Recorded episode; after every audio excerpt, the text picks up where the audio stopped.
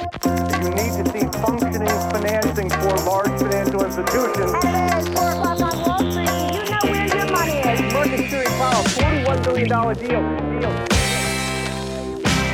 Då är det dags för investerarens podcast nummer 58 i ordningen. Nu har vi stängt böckerna för april månad. Det innebär också att första tertialet på året är stängt.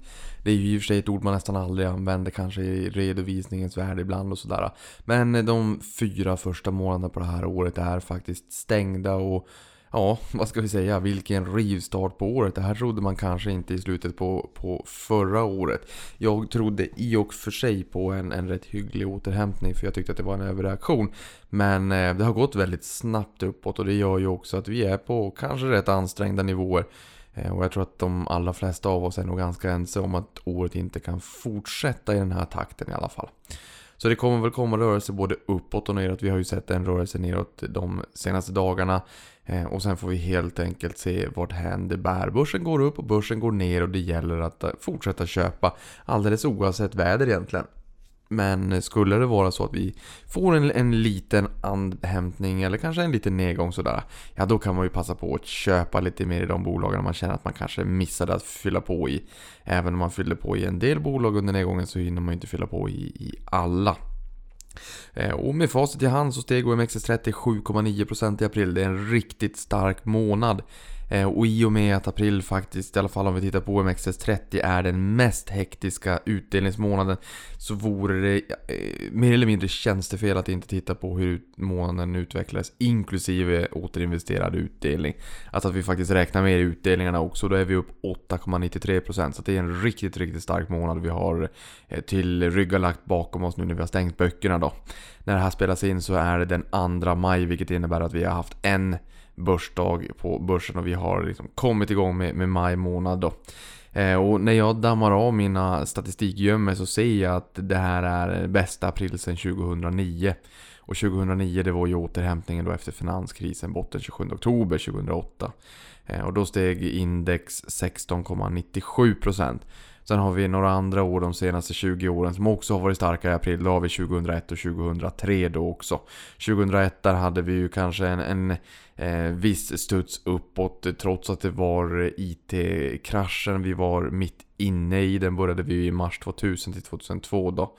Ehm, men eh, vi hade ett starkt april där då i, i, eh, under den här nedgången. Och sen 2003, det var ju återhämtningen efter den här kraftiga nedgången då börsen eh, sjönk ju 73% i till kraschen. Men här hade vi 2001 en uppgång på 14% och 2003 hade vi en uppgång på 12% i april. Ehm, och gemensamma nämnaren egentligen för de här månaderna det är väl att de föregicks av ganska kraftiga nedgångar. Både Uppgången 2009 föregicks ju av eh, IT, eller inte IT-kraschen, finanskrisen. Eh, och sen så hade vi då i år föregicks vi av nedgången då med, med techfrost, den här riktiga sell-offen vi hade. Eh, 2001, det var ju en, en, eh, en studs uppåt i en kraftigt nedåtgående marknad. Och 2003, ja det var ju efter IT-kraschen då en ordentlig nedgång. Eh, största nedgången vi har haft på Stockholmsbörsen eh, de senaste årtiondena. Eh, finanskrisen 58%, IT-kraschen 73% så att den var ju betydligt eh, mycket större Ehm, än vad finanskrisen var då. Ehm, men då kan man fundera lite grann också på vad maj kan tänkas ha att erbjuda och då är det ju alltid roligt åtminstone att kika lite grann på, på statistiken och hur historien har sett ut och i snitt så har maj sjunkit 1,28% senaste 20 åren då. Ehm, och de negativa månaderna enkom, ja då har börsen fallit 3,77% Eh, medan om vi tittar enkom då på de positiva månaderna då har vi en uppgång på 1,83%. Ehm, och tittar vi på hur många positiva kontra hur många negativa månader det har varit Ja då ger den egentligen ingen bra fingervisning för det är eh, 11 av 20 månader som har varit negativa så det är ganska 50-50. Men förutom då att vi har stängt böckerna för april månad för årets första fyra månader så är det ju självfallet också intressant att titta då på hur börsen faktiskt har utvecklats eh, year to date. Eh, och Nasdaq 100 då upp 22%. Det är ju de eh, 100 största techbolagen på Nasdaq exklusive financials. Så den leder ju. Och sen har vi 630 RX då, alltså Stockholmsbörsen inklusive utdelning på 21,5%. Nasdaq på 21,1%. 6PRX, breda index med alla 381 bolag tror jag nu på Stockholmsbörsen. Inklusive utdelning upp 20,6. S&P 500 eller SPX, eh, kortnamnet. Eh, 16,4% och sen har vi Dow Jones då på eh, 12,8%. Så att Dow Jones har ju inte hängt med det här året. Eh, och det kanske beror på att det är vissa komponenter i indexet som har haft det lite jobbigt då. Och på tal om Dow Jones så kanske du har lyssnat på förra avsnittet av podden. Har du inte gjort det, det är en timme och en kvart vilket är lite långt. Det kanske kan skrämma vissa från att beta i och liksom bita i ett så mastigt avsnitt. Eh, men där får du lära dig lite mera kring de 30 bolagen som ingår i Dow Jones. Och jag tror inte att alla känner till alla bolag som eh, ingår i det här indexet. Ehm, men eh, många av dem i alla fall. Men eh, där är det väl lite roligt, lite, lite kuriosa, lite allmänbildning också att veta liksom, vilka bolag huserar i Dow Jones, hur funkar indexet och ehm, ja, kort och gott hur, hur har de gått de senaste åren? Vilka aktier har gått allra bäst? Vilka är liksom topptrion eller de tio bästa bolagen i Dow Jones, vilka är de tio största favoriterna bland avansianerna? Och sist men inte minst, hur har Dow Jones gått om man har ägt hela indexet kontra de 10 bästa, kontra 10 favoriterna bland avansianerna. Så att lite intressant, så kan du backa tillbaka och lyssna på det om du inte redan har gjort det. Ehm, ett annat paradoxalt faktum i USA det är ju att eh, amerikanska börsen slår rekord ganska mycket på löpande band och eh, det är ju ganska naturligt i och för sig när man befinner sig nära en all time high nivå. Jag menar, det räcker ju med att index stiger 0,01% ja, men då är det ett nytt all time high. Eh, men jag menar, börsen kan ju stiga 0,01% varje dag under börsens alla eh, dagar under ett helt år. Och det är ingen som skulle höja på ögonbrynen för den totalavkastningen ändå eh, efter ett helår med 250 börsdagar. Men det som är lite intressant det är väl kanske att det är techsektorn som faktiskt driver den här positiva utvecklingen och liksom den som trendar allra starkast och är någon form av, av eh, tjuren i, i helheten så att säga. Och det var väl kanske inte riktigt så det såg ut i fjol. Eller åtminstone i början så var det ju så. Techsektorn drev ju ganska mycket och eller, agerade draglok. Det är väl kanske den liknelsen jag vill hitta. Ehm, fram till, eh, ja, men fram till sommaren då när det vart en, en eh, sektorrotation då från tech till hälsovård och sen så vart det ju en techfrossa och sen så vart det ju en allmän frossa då.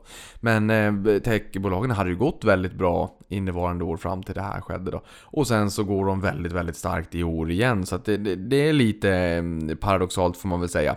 Tittar vi på Sverige så var vi väldigt nära ett nytt all time high på OMXS30 i tidningarna kanske du har sett eh, att det står ibland då att ja, men nu är det nytt all time high och nu är det nytt all time high. Eh, jag vill bara påminna om att eh, jag har gjort ett avsnitt i podden här för ganska länge sedan om olika index. Och om du kanske kan dra det till minnes om du har lyssnat på det avsnittet så kommer du ihåg att jag sa att det finns fler aktieindex i USA än vad det finns aktier. Det finns alltså över 10 000 index i USA. I Sverige på Nasdaq OMX Nordics hemsida så tror jag att, vi, att jag såg någonstans 1300 index eller sådär. Det innebär ju inte att eh, man tittar på alla. Men ehm, är man eh, i mediebranschen och jobbar på en tidning, ja då, då tar man ju första bästa index som slår ett rekord eh, bland Eh, the household brands eller household names i, i alla fall. Eh, man kanske inte skriver om det är så att eh, fordonssektorn har slagit rekord, alltså ett branschindex. Men eh, om det är så att OMXS30 slår rekord, då skriver man om det. RSX30 RX är egentligen samma index men inklusive återinvesterad utdelning som slår rekord, då skriver man om det. RSX RX som slår rekord skriver man om det. Är det OMXSP eller 6PRX som slår rekord, då skriver man om, om det helt enkelt. Men eh, OMXS30 då, eh, det du nog som ett rinnande vatten vid det här laget. 30 mest omsatta aktierna på Stockholmsbörsen. 29 bolag till antalet. Atlas, A, Atlas Copco AB har, har, återfinns båda så att säga i indexet. Därav 29 bolag med 30 aktier. Ehm, där satte vi ju toppen på 1720,02 indexpunkter den 27 april 2015 och det börjar ju vara ett tag sedan. Så det här indexet har ju konsoliderat de senaste åren men, men nu var vi väldigt nära, så pass nära att vi var 1,57 procentenheter ifrån att faktiskt slå ett nytt eh, rekord. Eh, räknar vi med återinvesterad utdelning då är väl de flesta indexerna på rekordnivåer. Men vad det egentligen säger mig det är ju att eh, om det är så att det vanliga indexet eh, inte har slagit eh, rekord men, men det återinvesterade indexet har eh, slagit rekord. Ja då innebär det ju att mellanskillnaden, vi har klippt kuponger helt enkelt. Vi har avkastningen som har genererats. Det har ju mer eller mindre varit eh, utdelningen helt enkelt. Så att Eh, vi får väl se om det är så att vi kan försöka bjudas på ett litet rekord på börsen. Men å andra sidan, eh, jag vet faktiskt inte om det är så att jag vill ha ett rekord. Eller det är väl kul att man kanske når det någon gång. Men samtidigt så tycker jag att det är ganska skönt att vi är en bit därifrån. För att när man bygger upp en aktieportfölj långsiktigt då vill man ju gärna komma in till vettiga nivåer. Sen vill man ju självfallet att aktierna ska stiga också. Men eh, jag tror att om man hade justerat för vilka bolag i OMXS OMXS30 som faktiskt ligger på en nivå över den nivån bolaget låg på den 27 april 2015 så är det nog ganska många som faktiskt är över den nivån. Vi ska också komma ihåg att H&M bottnade, eh, gjorde de inte, utan de toppade den 3 mars 2015 på 368,50. Det är en ganska bra bit därifrån och då var det ett ganska stort bolag. Eh, det var ett, ett stort börsvärde och eh, OMXS30 är ju värdeviktat så att det, de får ju en större påverkan än, än vad ett eh, mindre bolag får helt enkelt. Eh, MTG exempelvis som fick ge upp sin börsplats till eh, Fingerprint. Ehm, men tittar vi på värderingen på börsen då efter den här uppgången så kan vi se att ehm, det framåtblickande P-talet i USA ligger på 16,8. Det vill säga att vi betalar oss 16,8 årsvinster för börsen just nu.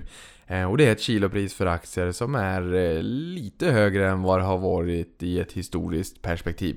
Ehm, femårssnittet ligger på 16,4 och tioårssnittet på 14,7.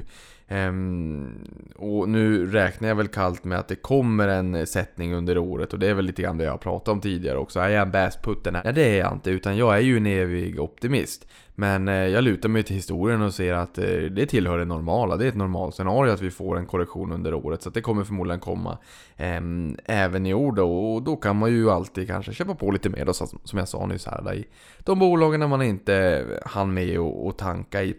Eh, men å andra sidan, tittar vi tillbaka 10 år i tiden så 10-årsräntan låg ju på betydligt högre nivåer än vad den gör idag. Ehm, så att vi har en, en situation med, med liksom TINA, there's no alternative och fear of missing out. Ehm, och så här, det är vad det är, det spelar ingen roll vad man tycker om det, det är vad det är. Ehm, man kan sitta som en amerikansk eh, förvaltare och tycka att det är jättejobbigt med höga värderingar och att börsen är övervärderad och allt vad det är. Men vad ska du göra? Ska du våga sitta vid, vid sidan av och, och tjura och sätta eh, händerna i kors och säga att börsen är dyr, jag tänker inte vara investerad och sen så ser du börsen ralla. Eh, och sen så hamnar du efter index och sen blir du av med jobbet. Du blir entledigad därför att du underperformar börsen så pass mycket vilket gör att det flödar ut pengar ur din fond. Det blir en jobbig situation och sen så träffade jag också en av mina favoritförvaltare på, på den lokala matbutiken här för en tid sedan. Eh, och han menade på att ja, sannolikheten för att det kommer en, en, en större sättning under året kanske har minskat lite grann. Eh, och han menade på att det beror på att det är väldigt många elefanter som står vid sidan av marknaden och har missat den här kraftiga uppgången. Eh, du har ju hört mig säga det här förut då, men liksom, vi fick ju den kraftigaste starten på börsen på, på 32 år. Eh, och jag tror att det är väldigt många som det bara liksom vattnas i munnen när man säger att men, tänk om du kan få en andra chans att komma in i marknaden och reparera den här lagget som du har gentemot börsutvecklingen. Eh, så att skulle vi få en sättning så är det nog väldigt många som skulle passa på att köpa in sig i marknaden och då skulle vi också få en, liksom en, en moteffekt mot en eventuell nedgång. Ehm, så det är ju en tes och det låter ju väldigt rimligt men eh, som ni vet, ingen har en spåkula så det, det återstår ju att se och sen så är ju börsen, det är mycket rörliga komponenter så allt kan ju hända och förutsättningar kan ju eh, förändras. Men vi har klivit in i maj månad och det innebär att det snart också är dags för The Monthly Backtraders med Jesper och Per på Placera. Vi körde ju första avsnittet och första eh, liksom, det konceptuella avsnittet kring det här att vi då sätter oss en gång i månaden och blickar tillbaka på månaden som har varit. Vi har ju både Jesper och Per är ju långväga inventarier i den här branschen med, med väldigt eh, fin erfarenhet och, och långa karriärer. Eh, och, och, har ett brett kontaktnät i branschen, i, i liksom den lilla ankdamm som eh, Stockholmsbörsen och finansvärlden faktiskt är. Ehm, så att många tentakler ute i marknaden. Vad pratas det om just nu? Vad är hett? Vad säger förvaltarna, analytikerna som de träffar? Bolagen som de träffar? Ehm, och vad har de själv för tankar, teser? Vad har de skrivit och producerat för material under månaden? Jag tror att en sån sak som vi säkert kommer prata om det är ju lyxkonglomeratet LVMH som Per skrev om Det där han också tog upp och belyste lite aktieägarrabatter, aktieägarförmåner som jag inte tror att alla har koll på. Jag tror, såg att den här artikeln vart ganska uppskattad i social media på Twitter. Eh, vi har ju i Sverige exempelvis Skistar som förmodligen kanske gynnas av den svaga kronan då när man svemestrar eller hemestrar eller alla möjliga ord som finns. Och sen kommer utlänningarna också med den svaga kronan och tycker att det är lite trevligt att kanske åka i våra backar. Om det nu inte är så att man är fisförnäm och ska åka i finare backar i Alperna och sådär. Nej, skämt åsido. Jag skojade bara lite grann. Men eh, Skistar är ju en sån där klassiker där man köper, eh, förut och köpte en, en post om eh, 200 aktier, men då fick man eh, lite ägarförmåner eh, med, jag tror det var 10 eller 15% på var det liftkortet. Ni hör att jag inte är jätteduktig på det här med, med skidor och slalom. Eh, men det, det, har varit genom åren en väldigt uppskattad aktieägarförmån och det har, finns även andra bolag med, med aktieägarförmåner. Eh, men jag tror inte att det är speciellt många som känner till att det finns en, en del pikanta förmåner faktiskt som ägare i LVMH. Och jag uppmanar fler bolag att ha den här typen av eh, aktieägarförmåner. Det är lite roligt. Och det, man ska inte underskatta gräsrotsrörelsen där ute bland aktieägare som tycker att det är roligt att äga aktier i bolag. Som är lite stolt, som vill att aktierna ska gå bra och som kanske också skulle liksom där ute kunna lite grann spread the word kring bolaget och dess produkter och tjänster. Eh, om det finns eh, typ eh, aktieägarförmåner. Så att det är en uppmaning, fundera på det. Jag tror att det kan smaka mer än eh, vad det kostar faktiskt. Men har du en, en fundering eller medskick till avsnittet i Monthly Backtraders då skickar du det ASAP till mig på kontakt investeraren.com eller investeraren på eh, Twitter. Sen eh, någonting annat som vi säkert också kommer att prata om det är ju rapportsäsongen och det har ju varit ganska bra fart och det har ju också visat att bolagen tycker att marknaden är lite mer ljus och positiv än, eh, än vad man tidigare trodde. Vi har haft en del negativ statistik från eh, inte minst euroområdet. Eh, men samtidigt så har vi också fått se att eh, statistiken lite grann har förbättrats i Kina. Kina som världens näst största ekonomi och kapitalmarknad. Det är klart att de påverkar ju sentimentet och humöret i hela världen. Så att då får man säga att Kina kanske är leading och, och Europa lagging lite grann för att man är väldigt beroende av Kina. Ehm, så att det, det har ju varit lite bättre temperatur helt enkelt. Men jag menar cykliskt, eh, verkstad, ehm, konjunkturberoende alltså. De hade en ganska jobbig avslutning på fjolåret och eh, därefter när pendeln har svängt så har vi sett ganska stora uppgångar i de här bolagen. Eh, nu är det inte ett eh, verkstadsbolag som är vinnaren som har stigit allra mest på OMXS30. Det är faktiskt Getinge. Men annars har vi liksom Boliden med en uppgång på eh, 41%, nästan 42%. Eh, Sandvik på 40%, Atlas Copco på 38%, eh, Volvo på 38%. Ehm, SKF ligger på en 33 ehm, och sen eh, Assa Abloy ligger på en eh, 30%. Eh, så att det har ju varit väldigt fina uppgångar och det är ju för att pendeln har svängt så att säga. Så att efter, efter den kom ju solsken och det var ganska stora nedgångar i slutet på förra året. Därav har vi sett att pendeln har svängt så att säga och vi har fått se ett ganska fint lyft just för verkstad, för cykliskt. Eh, bäst i år då, om vi tittar på det, så är det ju Getinge som sagt. Uppgång på 69%. Eh, och tittar vi på hela Stockholmsbörsen så är det Evolution Gaming Eh, som har haft en, en riktigt, riktigt bra eh, start på det här året. Kom också med en Grand Slam eh, i rapportsäsongen och aktien har stigit 87%. Och här kan man ju också se att det kanske inte går lika bra för Net Entertainment, den forna stjärnan. Eh, alla kommer ju från Cherry. Cherry är ju bolaget, eh, fadern, modern brukar man ju säga. Både till Cherry då såklart, Betsson och eh, Net Entertainment och, och de har ju haft det väldigt jobbigt. En annan fråga i den här podden som jag funderar och klurar lite grann kring Det är ju den filosofiska frågan huruvida bolag faktiskt måste tjäna pengar. Ehm, och eh, upprinnelsen är väl kanske att jag såg i en av mina eh, amerikanska eh, tidskrifter som jag läser att 80% av bolagen som kom in på amerikanska börsen i fjol faktiskt inte tjänade några pengar. Ehm, och då kan man ju... Ja, det är väl roligt att bara fundera lite grann kring det. Det finns ju sällan någon, någon rätt eller fel och världen är ju inte svart eller vit. Eh, och när jag säger det här med att tjäna pengar, det här är en ganska vanlig missuppfattning. Eh, jag förhåller mig så, så, som så att när jag säger att ett bolag tjänar pengar, då pratar jag om on, omsättning, försäljning, topline. Eh, och pratar jag om vinsten, då säger jag nog snarare att bolaget går med vinst eller att bolaget går med förlust. Ehm, men eh, 80% av bolagen som kom in på amerikanska börsen i fjol 2018 gick alltså med förlust. Eh, och det verkar väl kanske inte riktigt vara lika viktigt nu för tiden eh, att bolagen går med vinst. Ehm, å andra sidan, det här kan ju också ha att göra lite grann med sammansättningen på de bolagen som kommer in på börsen. Ehm, jag kan tänka mig, även fast jag inte har datapunkter på det här nu, men jag kan tänka mig att eh, förr i tiden kanske var lite vanligare att det kom in lite mer mogna bolag som kanske inte hade samma potential att växa lika kraftigt som de techbolagen som vi ser idag som kan komma in, ha en jättebra idé, ha jättebra execution och sen så kan få nästan världsherravälde på väldigt, väldigt kort tid.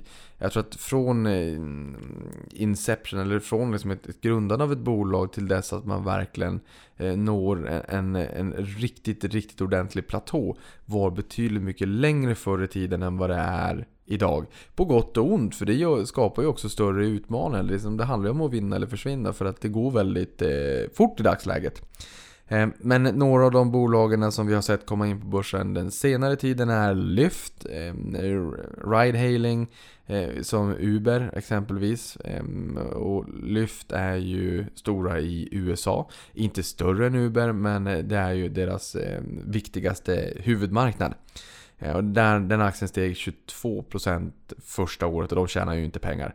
Sen har vi Jumia, eller Jumia, som eh, har liknats lite grann vid eh, Afrikas motsvarighet till Amazon eller Kinas motsvarighet till Alibaba. Sen kan vissa ha lite åsikter på det också för att det är ett eh, tyskt bolag med tyska eh, rötter så att säga. Eh, och med grundare som jag tror då var fransmän. Men det till trots så verkar de på den afrikanska marknaden. Eh, och de har eh, lite grann som kineserna också är duktiga på att bygga ett ekosystem. Så att det handlar inte bara om e-handel. Utan det handlar om väldigt många olika tjänster i ens vardag som man paketerar i en enda app då. Eller en enda tjänst. Lite grann som konglomerat. I Sverige så har vi ju Ehm, och kanske i USA lite grann också. Eh, då har vi ju väldigt nischade appar och tjänster för väldigt många saker. Medan det i exempelvis Kina, då är det liksom en app eller ett gränssnitt, ett företag, ett ekosystem så att säga. Som kniper en väldigt stor del av kakan av väldigt många eh, tjänster som du nyttjar under, under din eh, vardag. Det såg vi inte minst med kakao när jag var i Sydkorea tillsammans med eh, Placera i fjol då. Eh, när de menade på att man gick från 20 minuter i genomsnittlig användartid eh, för sina användare per dag till över 3 timmar och 20 minuter. Och då ska vi också komma ihåg att de hade 83% av den sydkoreanska befolkningen som använder den här tjänsten. Vilket är helt, helt oförståeligt. hur, hur någonting kan bli så stort men det visar ju någonstans också att det, det fungerar det här med liksom konglomerattänket, att man har flera olika tjänster. Det kan ju vara liksom e-handel och det kan vara betalningar och det kan vara banktjänster och det kan vara en det ena och en det andra i ett och samma ekosystem. Men Jumia, eh, de steg 76% eh, första dagen. Sen har vi Zoom som är någon form av eh.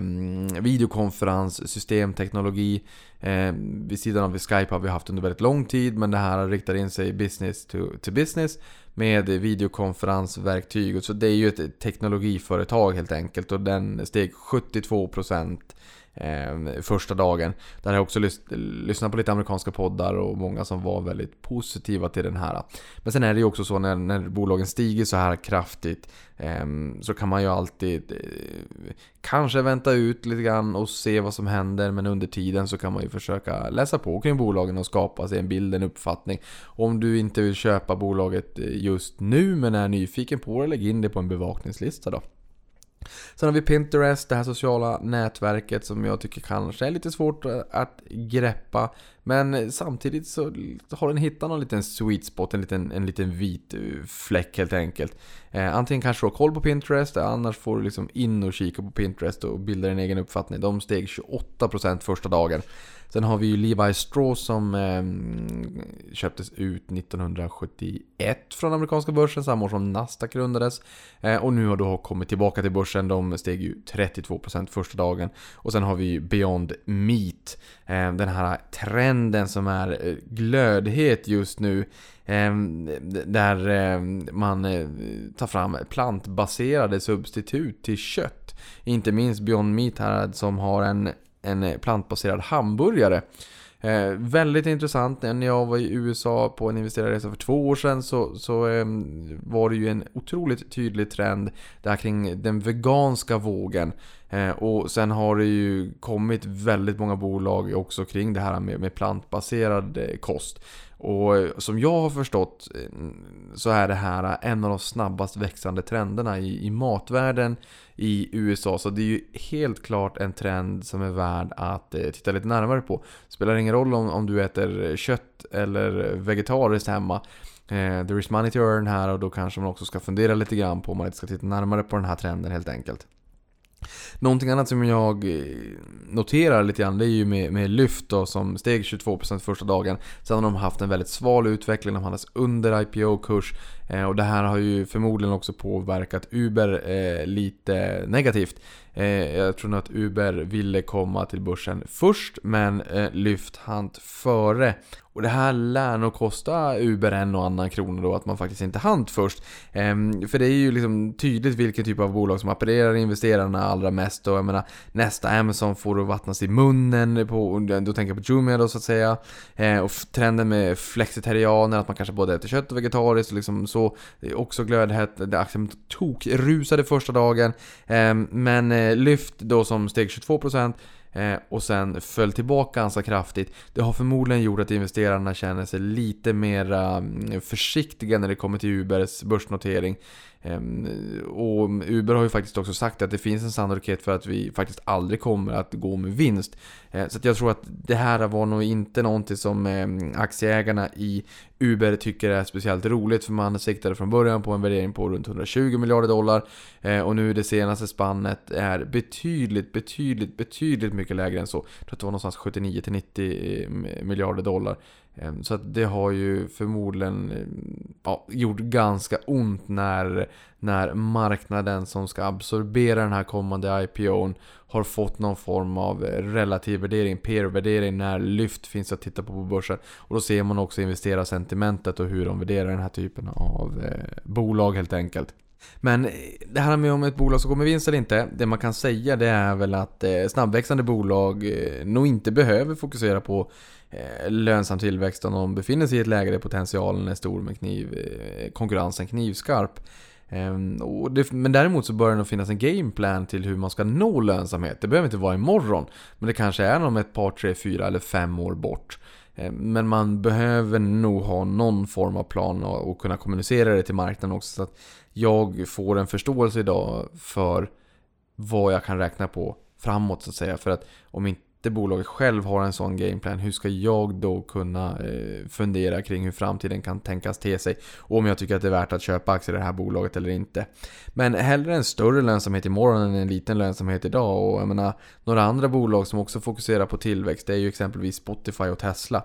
Eh, där kan man också tänka sig att det finns en jättestor marknad eh, för elektrifieringen av bilflottan globalt men även musiken och streamingplattformar. Streaming är ju annars Eh, också en, en bransch med, med en otroligt fin strukturell tillväxt.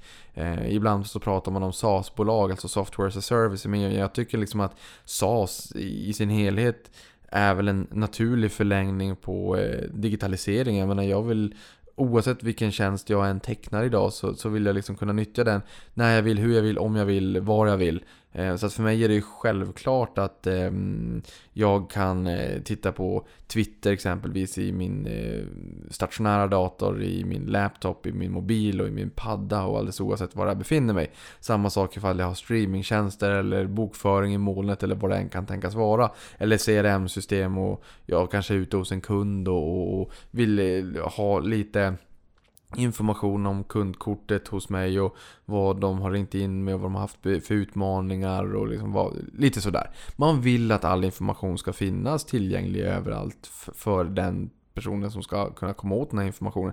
Så att SAS, det är, det, det är glödhett. Vissa pratar om en SAS-bubbla exempelvis. Men, men jag tycker någonstans att det här är en ganska logisk och naturlig del och naturlig förlängning av eh, digitaliseringen. Eh, men eh, så att av den anledningen så kan jag nog tycka att om det är bolag som växer snabbt, där, liksom, där, där branschen växer snabbt, där den adresserbara marknaden växer snabbt, ja men då är det ju självfallet så att också bolaget jag investerar i måste ta tillvara på de möjligheterna som tillväxten i, i marknaden och branschen faktiskt ger. Därför att eh, det är ofta ensamt på, på toppen och man vill ju investera i, i det bolaget som faktiskt kommer bli eh, nummer ett i sin bransch. Allt som oftast vill man väl det i alla fall. Eh, och då kostar det liksom att ligga på topp. Man måste ju hålla antingen jämna steg med konkurrenterna men allra helst så ska man hålla konkurrenterna stångna. Eh, men då återkommer jag till det här liksom, gameplan till att ta sig till lönsamhet. Eh, och att man kanske har lite grann det framför sig. Men jag menar ta Spotify som exempel. De nådde precis milstolpen 100 miljoner betalande premiumanvändare. Eh, och man förväntar sig att de kommer gå upp till 107-110 miljoner Ehm, nästa kvartal. Och det är klart att man, man kan väl liksom stänga ner alla marknadsföringsriktade åtgärder överlag och säga att nu är det bara lönsam tillväxt som, eh, som vi ska fokusera på. Men samtidigt, de digitala bolagen är ju väldigt skalbara. Så det är ju ganska lönsamt för dem att faktiskt ta in fler kunder. Eh, och då sjunker också kostnaden per kund. Men det är klart att det kostar att ta in nya kunder men förmodligen så kommer eh, liksom värdet per kund under livscykeln så, så länge man är kund. Så länge det är positivt så finns det ju en, en rational i att ta in fler kunder och helst kanske man har en låg körn också. Eh, alltså att eh, kunderna inte lämnar i så stor utsträckning. Alltså hur stor andel av kunderna som lämnar bolaget sig under ett år. Då. Och ju lägre körnen är desto mindre kundtapp är det. En sån siffra för oss på Avanza. Vi har en körn på ungefär 1% och den ligger eh, i linje med, med dödligheten i Sverige. Och det är Eh, ofta de kunderna som dessvärre lämnar oss och eh, jordelivet helt enkelt. Eh, men, men så länge det finns en rational i att ta in nya kunder eh, så kommer det också vara rationellt att faktiskt fortsätta att eh, betala pengar för att växa och för, för att liksom synas och höras i reklam, i marknadsföring etc. Men sen kommer det onekligen en dag förr eller senare där bolaget mognar lite grann. Eh, och då kommer man också förmodligen ställa om till lönsam tillväxt. Men eh, vi kan nog se det i vissa lägen där marknaden skulle bli besviken om det är så att ett bolag med fantastiska tillväxtmöjligheter säger Hörrni, ah, jag tycker nog att jag stannar här vid, vid eh, nyponsoppan i, i Vasaloppsspåret. Eh, eller blåbärssoppa eller vad det nu än kan tänkas vara. Jag stannar här en liten stund. Det här var så gullimulligt och mysigt och jag står och pratar här lite grann. Eh, då kommer man ju bli, inte omsprungen men omåkt av andra skidåkare som kommer bak, bak i en. Eh, och då kommer man förmodligen bli bortglömd och sen så kommer bolaget kanske inte alls utvecklas till att bli en, en långsiktig spelare som kanske var tanken från första början. Så att, finns det eh, mycket tillväxt i marknaden då ska man ta tillvara på de möjligheterna. Och då är det ofta så att man, man fokuserar på att växa organiskt. Man, man växer försäljningen antingen organiskt eller via förvärv. Den lönsamheten den får komma lite senare men det är viktigt att man har en plan för när den kommer och hur man ska se till att eh, nå den där lönsamheten.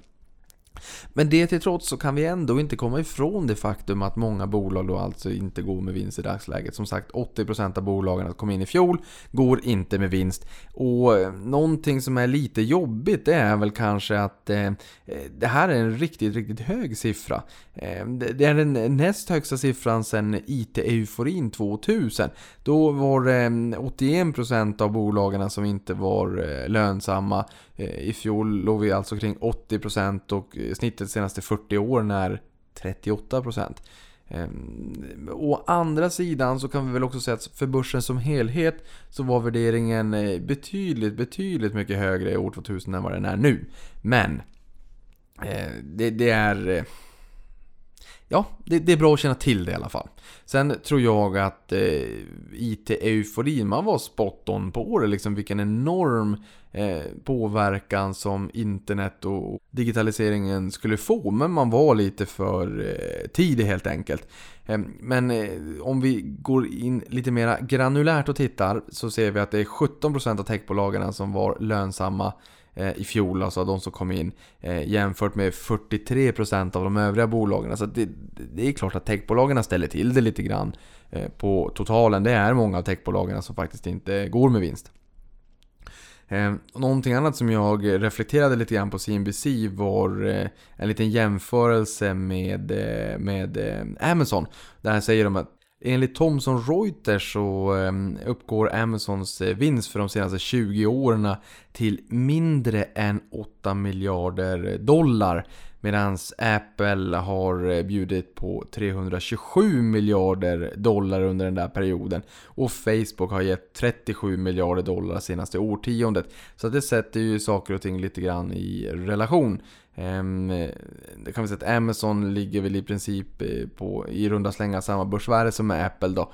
Eh, men det sätter som sagt saker och ting i ett perspektiv och Amazon har ju alltid sagt att de ska återinvestera vinsten för att fortsätta växa. Nu senaste tiden så har vi ju sett att eh, vinsten har sipprat ner på sista raden och eh, den här rapporten som kom nu för Q1 då det var fjärde kvartalet i rad med rekordvinst.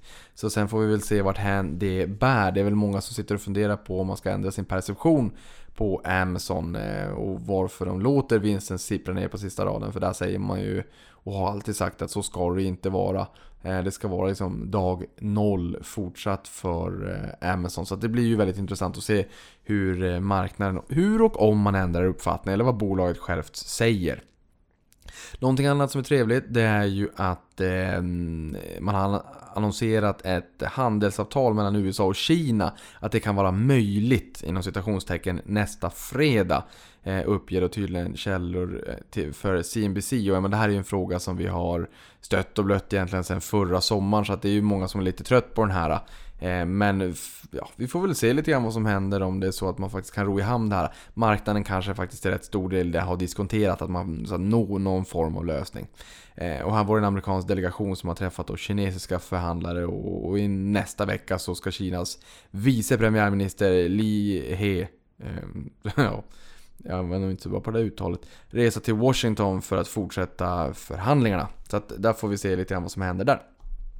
Någonting annat, i och med att det här börsåret har gått så bra så kan man ju också säga så här att ta din avkastning som du har fått innevarande år och sen så delar du det på ditt löpande månadssparande så ser du ju hur många månader, hur många månadssparanden som du har fått passivt genom eh, värdetillväxt i portföljen under innevarande år. Du får alltså en kvot.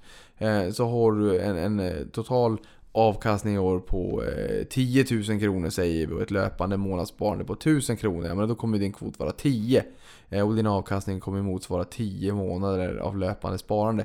Så där är också lite roligt. Jag menar, ju, ju mer portföljen växer, ju mer tid och avkastning du har haft på din sida, desto större kommer den här siffran över tid att bli. Eh, desto större snöboll kommer det bli, desto mer liv eh, kommer det vara i den här liksom, snöbollen. kommer leva sitt egna liv lite grann. Så att nu i och med att börsen har gått upp så mycket, långt över 20% så att, eh, kolla ut vad, vad den här kvoten ligger på.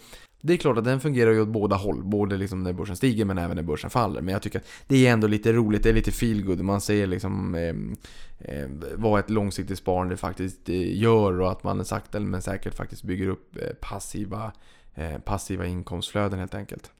Men hörni, nu är det dags för ett litet men ack så naggande gott nyhetssvep. Och då kan vi väl börja med att säga att bilservicebolaget Mekonomen som vinstvarnade för Q4 eh, gladde marknaden med en fördubblad vinst för Q1 varpå aktien steg 12%. Det är ju rapportsäsong så det är ju en hel del bolag som kommer med eh, roliga besked och vissa som kommer med mindre roliga besked. Eh, och det vi har sett nu här då det är att man har haft nerverna utanpå lite grann. Ehm, vilket har gjort att det har varit väldigt stora rörelser i många bolag. Sen har vi Karolinska Development föll 19% efter besked om att de behöver ytterligare finansiering innan årsskiftet. Defensiva nyemissioner, det är någonting som marknaden sällan gillar. Och någonting annat, eller ett annat bolag som behöver mer klirr i kassan är ju Veoneer som har haft det ganska tungt sen avknoppningen från Autoliv i fjol. Ehm, och fordonsmarknaden globalt, lite seg. Kina är en viktig marknad för fordonsmarknaden, branschen globalt sett. Ehm, och det som kanske då inte hjälper Veoneer i det här fallet är också att man är eh, positionerad mer eller mindre mot premiumsegmentet. Eh, som har haft det ännu jobbigare och här Eh, såg man intäkterna falla mer än eh, förväntat, eller liksom, intäkterna föll ganska, ganska ordentligt. Det var inte vad marknaden förväntade sig samtidigt som man säger att kostnaderna förmodligen kommer att eh, öka. Och sen behöver man ta in 4,7 miljarder kronor också i en nyemission. Det här gillade inte marknaden, sänkte aktien 17%. Så det är nästan en femtedel av, av börsvärdet som utraderades då. Ehm, ett annat bolag som har haft det lite jobbigt men nu har kommit in i värmen igen ikväll. Det är flygbolaget SAS Star Alliance, eller SAS helt enkelt. Eh, har sett sin aktie backa sen pilotstrejken eh, bröt ut. Eh, och förra gången det begav sig 2016 då varade strejken i fyra dagar och kostade 31 miljoner kronor om dagen i efterhand. Ehm, den här strejken pågick eh, en vecka, eh, vill jag på mena. Eh, och Sydbank menar att den kan kosta 60-80 miljoner kronor om dagen. Så det är ju en betydligt mycket större slant än vad det kostade förra gången. Eh, strejken är över, de har utlyst liksom att man har kommit överens nu ikväll. Aktien var upp 9% innan börsen stängde. Eh, utmaningen hade ju varit att ehm, om det är så att man eh, helt enkelt eh, hade fortsatt att strejka. Eh, då menade Sydbank att den vinsten man räknade med i år kunde vändas till en läskig förlust bara inom loppet av två veckor. Vilket visar hur pass sårbart ett bolag också är när, när verksamheten står stilla mer eller mindre. Men samtidigt hade man accepterat de, de kraven som piloterna hade Eh, då skulle man också kraftigt försämra sin konkurrensförmåga. Det är en knivskarp konkurrens. Oljepriset, eller flygbränslet inte minst, är ju rätt utmanande för bolagen. Det måste man kunna managera. Men också hålla eh, lönerna i schack. Och vi ska ju inte glömma bort att eh, bolag, många av bolagets anställda var ju tvungna att acceptera en haircut här för några år sedan. Alltså en sänkning av lönerna efter att det var med 15%. Eh, när man inte visste om SAS skulle överleva och vdn sänkte sin lön med 20%. Sen har väl han, som jag har förstått det, höjt upp sin lön igen och då har väl kanske personalens lön inte hängt med. Det kan ju vara ett tråkigt signalvärde men eh, man ska också komma ihåg vart ifrån man kommer och att man eh, faktiskt accepterade att, att sänka lönerna ganska ordentligt för att borga för bolagets eh, fortsatta överlevnad. Så att, att man vill ha lite mer kanske än industrisnittet, det, det kan jag väl i och för sig faktiskt ha en viss förståelse för. Sen Ericsson sjönk 1,7% på besked att storägaren CVN Capital med Christer Gardell i spetsen sålt av 22 miljoner B-aktier.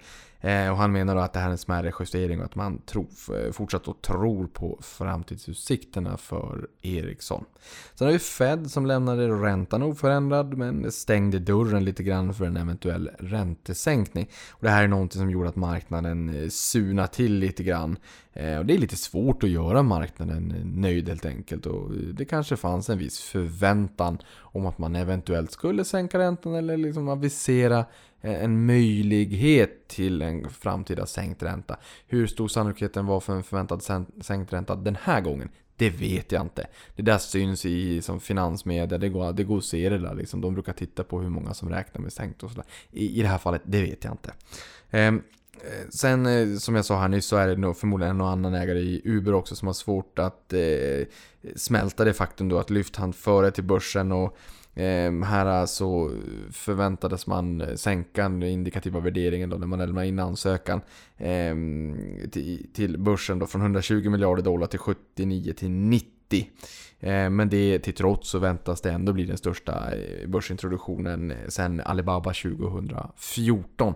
Men det var en rätt ordentlig, eh, på tal om haircut, haircut på värderingen där också. Och med de orden så säger jag bara så här, den här kortveckan är över. Eh, sen får vi se vad maj månad bjuder på. Eh, nästa vecka så skjuter vi ut ett nytt avsnitt av The Monthly Backtraders. Och sen så hörs vi igen i början på nästa vecka. Tack!